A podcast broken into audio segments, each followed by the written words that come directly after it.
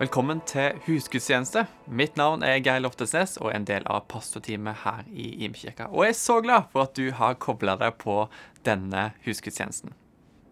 Dette her er en sånn input som vi i Imkirka har, som kan hjelpe oss til å løfte blikket på Gud og se det han gjør i denne tida. Derfor deler vi hver uke ferske historier som fyller oss med takknemlighet til hvem Gud er, og òg tro på at dette her kan skje igjen. Hør på dette her. Imi Tananger driver et barnelag som heter Blink.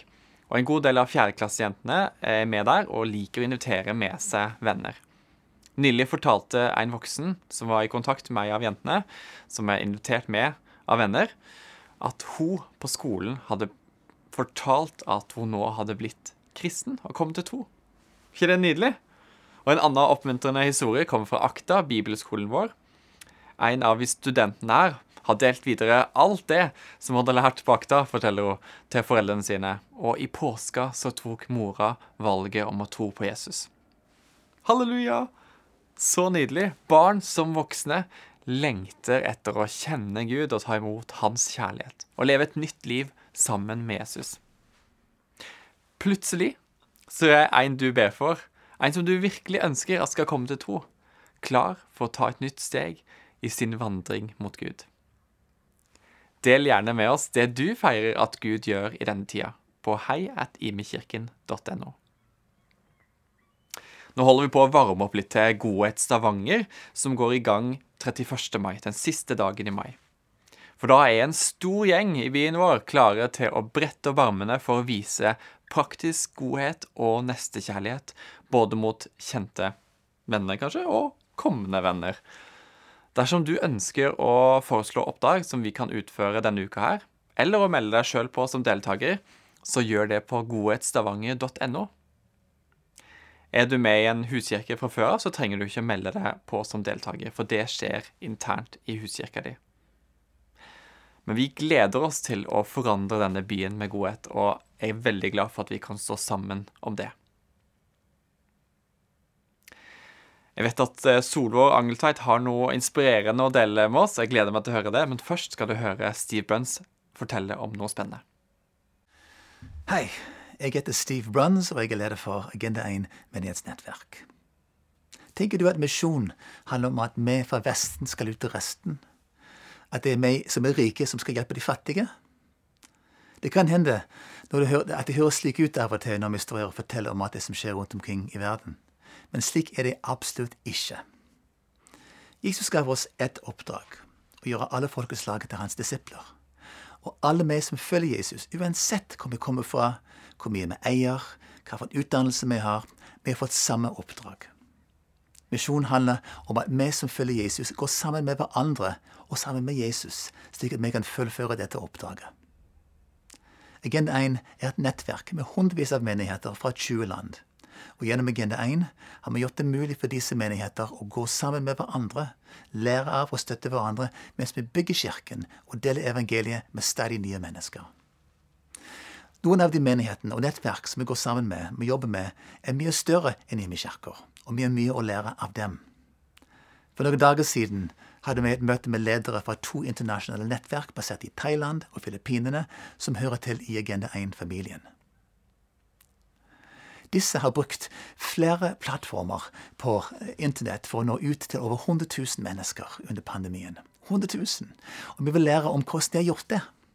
Vi vil benytte oss av deres erfaringer og kompetanse når vi nå planlegger en ny digital summit i august, der vi skal samle våre ledere fra Europa, Asia, Afrika og Nord-Amerika. Nå tar vi steget inn i en ny tid, der digitale plattformer åpner helt nye muligheter for Kirka. Og vi som er Gen 1 har en posisjon der vi kan dele disse ressursene med tusenvis av ledere over hele verden. Hver uke vil vi her i Imi kirke gi en anledning til å velsigne noen andre med våre penger. Vi vet at når Gud velsigner oss, er det for å kunne dele videre med andre. Så i dag vil vi invitere dere til å investere i dette arbeidet som Agenda 1 driver, slik at stadig flere blir utrustet til å kunne forandre deres verden. Du kan gi ved å bruke VIPS nummer 11 835. På forhånd, tusen takk for gaven. Og alt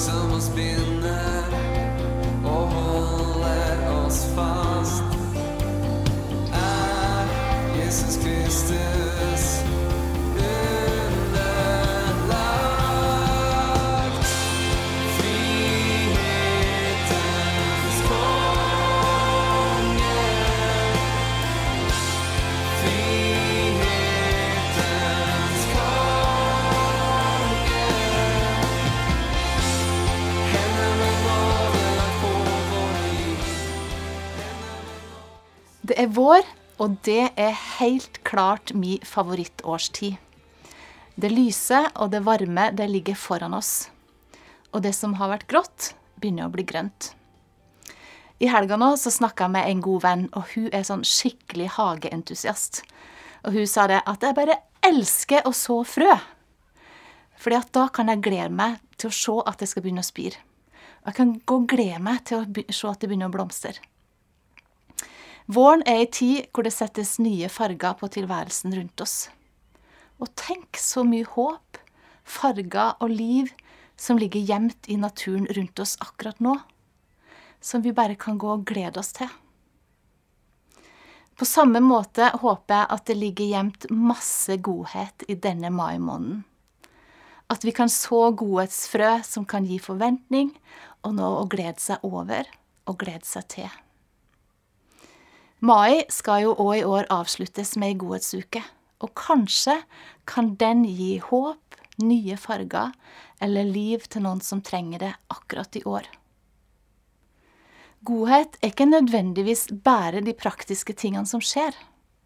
Jeg tror at det først og fremst er å få nytt håp inn i omstendighetene. Det bibelske håpet blir definert som den glade forventning om at noe godt skal skje. Og kan godhet være med å vekke liv i det håpet? Godhet er for de fleste et plussord, tror jeg. Hvem er det som ikke liker godhet? Det er jo godt. Og likevel så kan ordet for noen få en bismak. Må jeg gi noe nå? Må jeg gjøre noe? Krever det noe av meg? Er det nå et nytt opplegg? Utgangspunktet for godhet er ikke alt vi skal gjøre. Godhet har ett utgangspunkt, og det utgangspunktet er Gud. Godhet handler først om å motta og Gud var den første og mest rause giver. Han ga det beste han hadde, og det kosta han alt. Han ga ikke bare det han kunne unnvære, han ga ikke bare litt, og han ga ikke bare det som var til overs. Han ga det aller mest dyrebare. Han ga i sin godhet, ut fra sin kjærlighet, sin sønn står i Johannes 3, 16.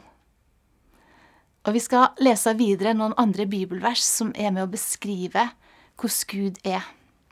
I Salme 105 står det Herren er god, evig er hans miskunn. Hans trofasthet varer fra slekt til slekt. Og i Titus 3, 4-5 men det ble åpenbart hvor, Gud, hvor god Gud, vår frelser, er, og at han elsker menneskene. Og i Salme 65, 12, han kroner året med godhet. 1. Peter 2,3.: for dere har smakt at Herren er god. Men vi er jo ikke Gud. Og hvordan kan vi da være med på å gjøre denne godheten synlig? Hvordan skal vi smake på denne godheten?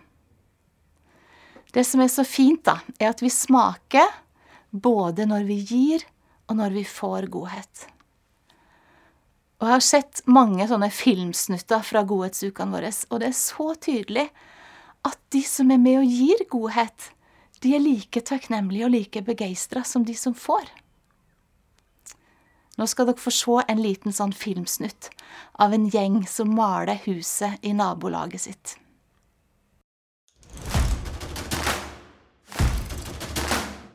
Det beste med godhet, det er jo at vi kommer i sammen som naboer og bidrar i sammen. Og ikke minst det at eh, vi ser det at det gjør så mye for de som får hjelp. At det betyr så mye for dem. Jeg er med på godhet for det at det er kjekt å være med og jobbe, og så får jeg litt fokus vekk fra mitt eget ve og vel. Vet du hva, Jeg syns det er en ære å få lov å være med og hjelpe en eh, nabo som har havnet i en litt eh, vanskelig situasjon. Og at vi får lov å bidra og vise det at vi bryr oss.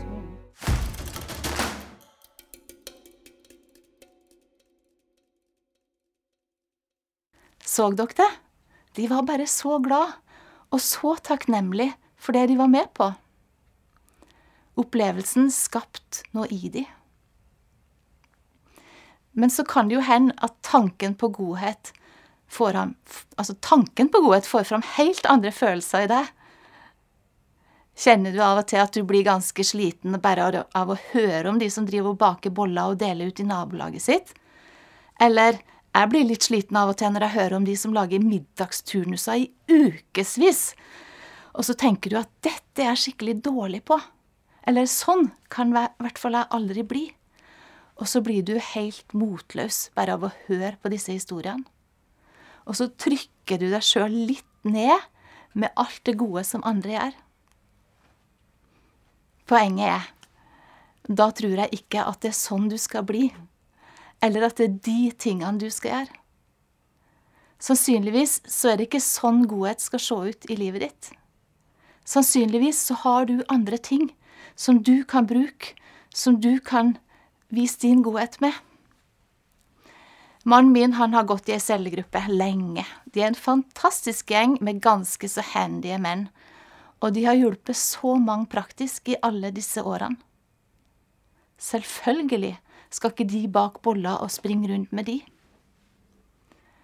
Eller kanskje du er en som alltid oppmuntrer de du treffer, eller sender oppmuntringer på melding eller i posten. Kanskje er dere besøkshjem og får gi godhet videre til noen som virkelig trenger det. Da skal du så helhjerta få sette inn energien din der. Ingen kan gjøre alt, men alle kan gjøre det som ligger for oss. Og Gud har gitt oss alle noen ting, og det handler om å bruke det på den måten som kommer andre til gode. Og kanskje er du en som syns at bollebaking eller hagearbeid og husmaling blir litt for puslete når vi snakker om Guds godhet. Du drømmer kanskje om at hele landet vårt i framtida skal være prega av godhet. At godhet skal prege samfunnet vårt enda mer. Tenk deg om 10 eller 20 år fram i tid. Tenk om godhetshistorier utgjør halvparten av nyhetssendingene våre. Eller tenk om alle skoler har godhet på timeplan? Tenk om antimobbeprogram blir helt unødvendig, for alle skoler er prega av godhetskultur? Eller tenk om fengselskapasiteten kan reduseres fordi behovet for soning gikk ned? Eller hva om ensomhetsstatistikken ikke økt mer, men flata ut? Utopi, tenker mange. I hvert fall ikke når vi får oppleve i vår levetid. Men skulle vi ønske det? Jeg er sikker på at alle kan si et helhjerta ja til det. En klok mann har sagt forventninger til framtida uten vilje til forandring i nåtida vil bare holde framtida i det fjerne. Vi må velge og vi må handle, og vi kan begynne nå. Men trenger vi ikke en strategi? Har Gud en strategi? Jeg tror at han har det, og jeg tror den er ganske tydelig. I Romerne 12, 21 så står det La deg ikke overvinne av det onde, men overvinn det onde med det gode. Vi kan ta opp kampen. Og denne kampen kan bare vinnes med det gode. Andre alternativer finnes ikke. Og hvis vi ikke overvinner det onde med det gode, så vil vi bli overvunnet av det vonde. Og det er et utrolig dårlig alternativ. Så om vi ikke velger godhet, så går ting i motsatt retning av det vi ønsker så er det ondskapen som vinner fram. Det gode som jeg gjør i dag, er med på å skape det samfunnet eller den byen eller det landet som jeg ønsker å bo i. Det vi ønsker å se i framtida, det må vi så inn i dag. Hele naturens prinsipp. Det vi, vi høster, det vi sår. Og hvis vi ønsker dette for framtida, så må det få konsekvenser for dagen i dag. Det som jeg velger i dag, er med å forme det som blir min egen framtid. Så la oss fortsette å drømme om å forvente ei framtid hvor godheten smyger seg inn. Så er det kanskje vanskelig å se for seg hele drømmen oppfylt. Men så ligger det alltid en mulighet til å oppfylle ett menneskes drøm. Og nå skal vi se en film som gir oss en historie, en nydelig historie om akkurat det.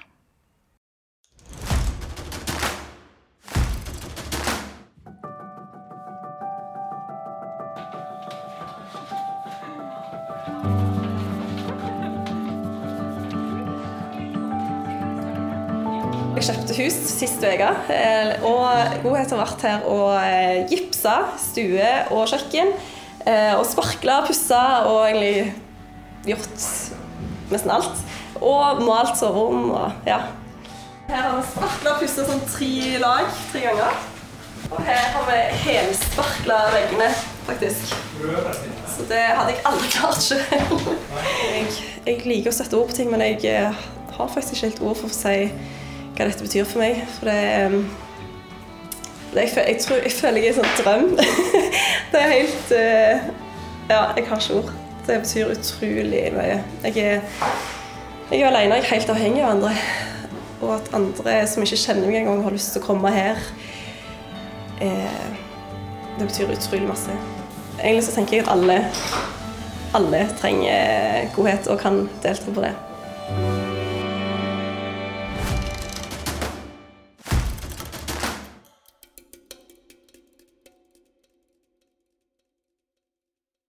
Kanskje kan godhetsuka som ligger foran oss, bli en ny boost inn i å skape godhetskultur i mitt liv, i nabolaget og i byen vår.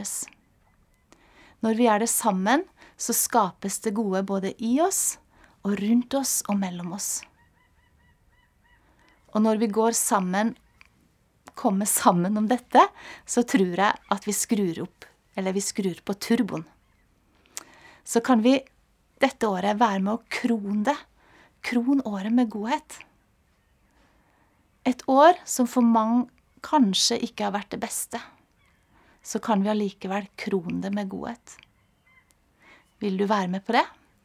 Og kron 2021 med godhet? Kanskje skal vi la Galaterne 6.9 bli både vår bønn og et løfte å holde fast i i denne tida og i denne våren. Der står det. La oss ikke bli trette mens vi gjør det gode. Når tida er inne, skal vi høst, bare vi ikke gir opp. Amen. La det skje. Dette likte jeg så godt, Solvår. Takk for at du inspirerer oss og utfordrer oss på hvordan godhet kan se ut i livet, og i 2021, dette året her.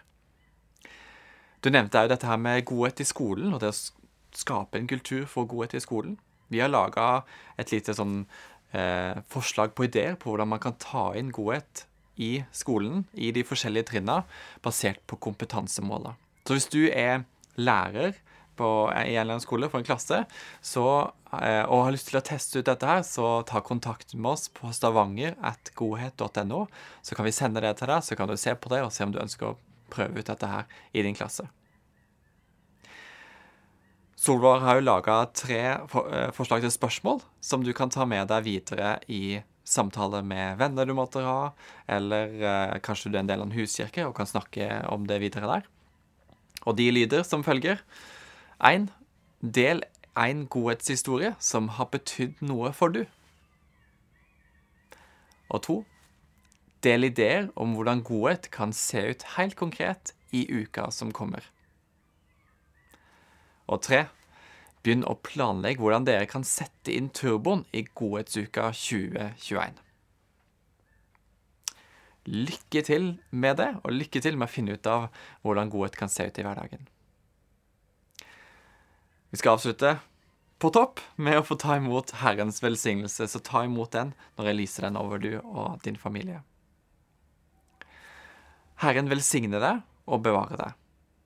Herren la sitt ansikt lyse over deg og være deg nådig. Og Herren løfte sitt ansikt på deg og gi deg sin fred. I Jesu navn. Amen.